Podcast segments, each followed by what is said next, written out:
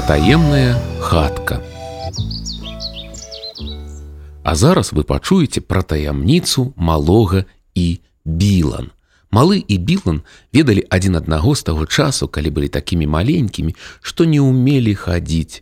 Білан была лепшай сяброўкай малога, а малы быў лепшым сябрам білан. Яны бавіліся разам амаль штодзень. У наваколлі жылі яшчэ іншыя больш дарослыя дзеці. Яны лічылі, што малы занадта маленькі, каб гуляць з ім. Аднак тыя дзеці ўсё адно сачылі за тым, чым займаліся малы і білан І калі ім было надта весела, дзеці прыходзілі гуляць разам, але малы з білан не заўсёды радаваліся гэтаму.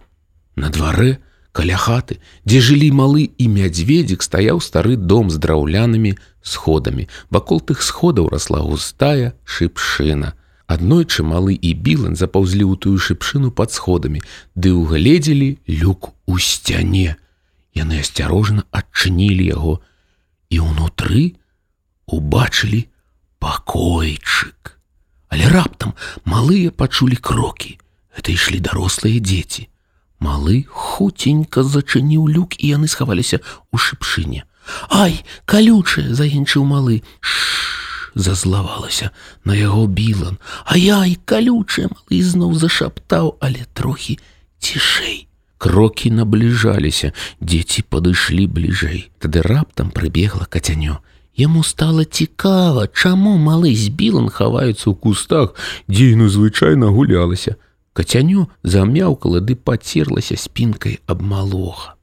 Не, зашаптаў ён, пачакай, паляжы, калі ласка ціха, хопіць мяўкаць. Калі яны ўбачаць тут цябе, то адразу ж зразумеюць, што і мы тут ака. Дзеці спыніліся. Што гэта было, запытаўся адзін з іх. Мне падалося, што я штосьці пачуў. Тады малы пачухаў кацяню за вушкам. Кацяняці гэта надта спадабалася, яно супакоілася ды легла на зямлю. Малы і білан зноў пачулі крокі. Дзеці пайшлі далей.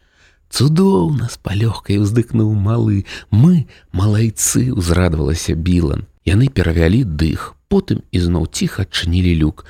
Ён крыху рыпнуў. Малыя яшчэ раз зазірнулі ў адтуліну. Паглядзі, ціха сказала Білан, якая прыгожая хатка, а сходы акурат замест даху. Бачыш, колькі лістоў на падлозе, сказаў малы, жоўтых, патаемная хатка, сказала Білан. Глядзі, сказаў малы і шэптам праспяваў, тут раней хтосьці жыў. Так, схадзілася Білан, вунь, бачыш, сляды на лістах.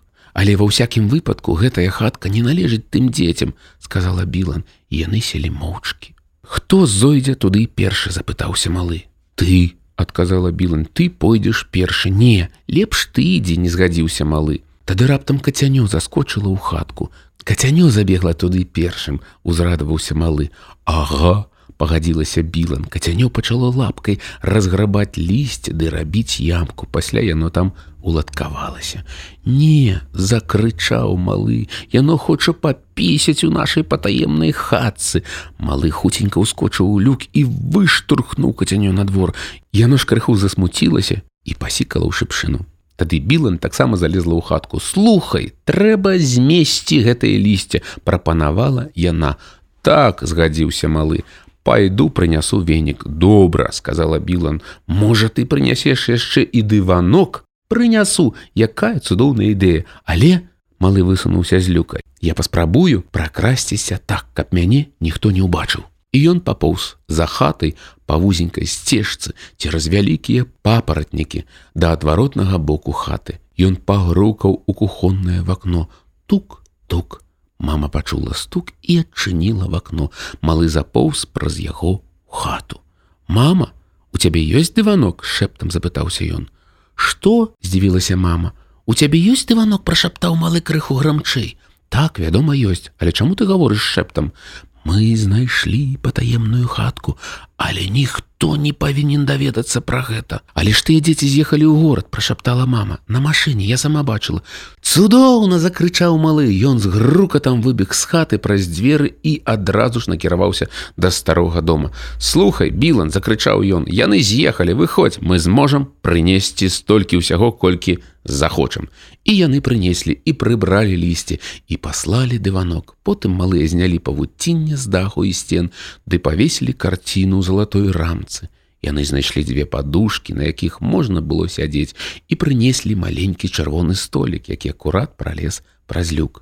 А пасля яны проста сядзелі там моўчкі і пазіралі навокал. А ў версе пад верхняй прыступкай яны знайшлі палічку, патаемную палічку, Адна з прыступак сходаў заходзіла крыху ў хатку, але яе амаль не было заўважна. Слухай, сказала Білан і шэптам праспявала: тут мы можам трымаць нашы патаемныя рэчы.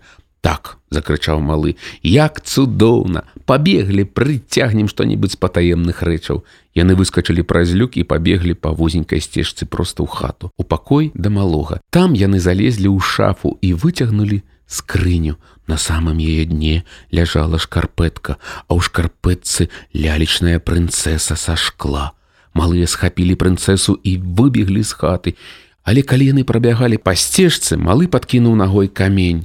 І тады раптам абодва спыніліся, як укапаныя. Хвіліну яны стаялі моўчкі і толькі пазіралі.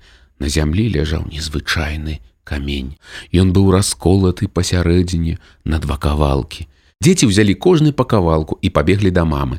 Мама дастала фламастер. На адной палове яна напісала вялікімі літарамі білан.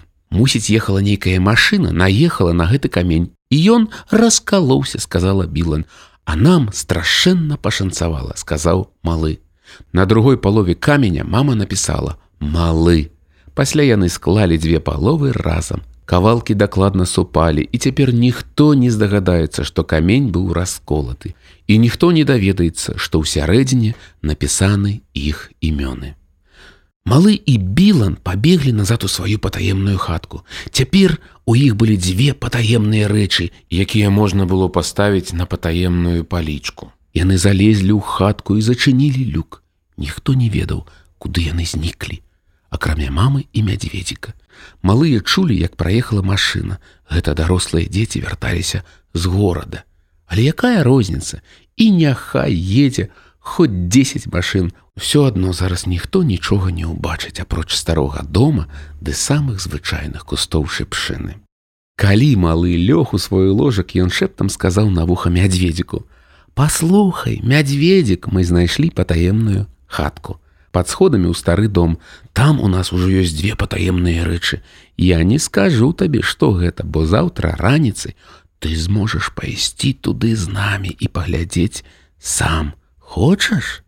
Мядзведзік паматляў галавой. Мама, глядзі, Ён хоча.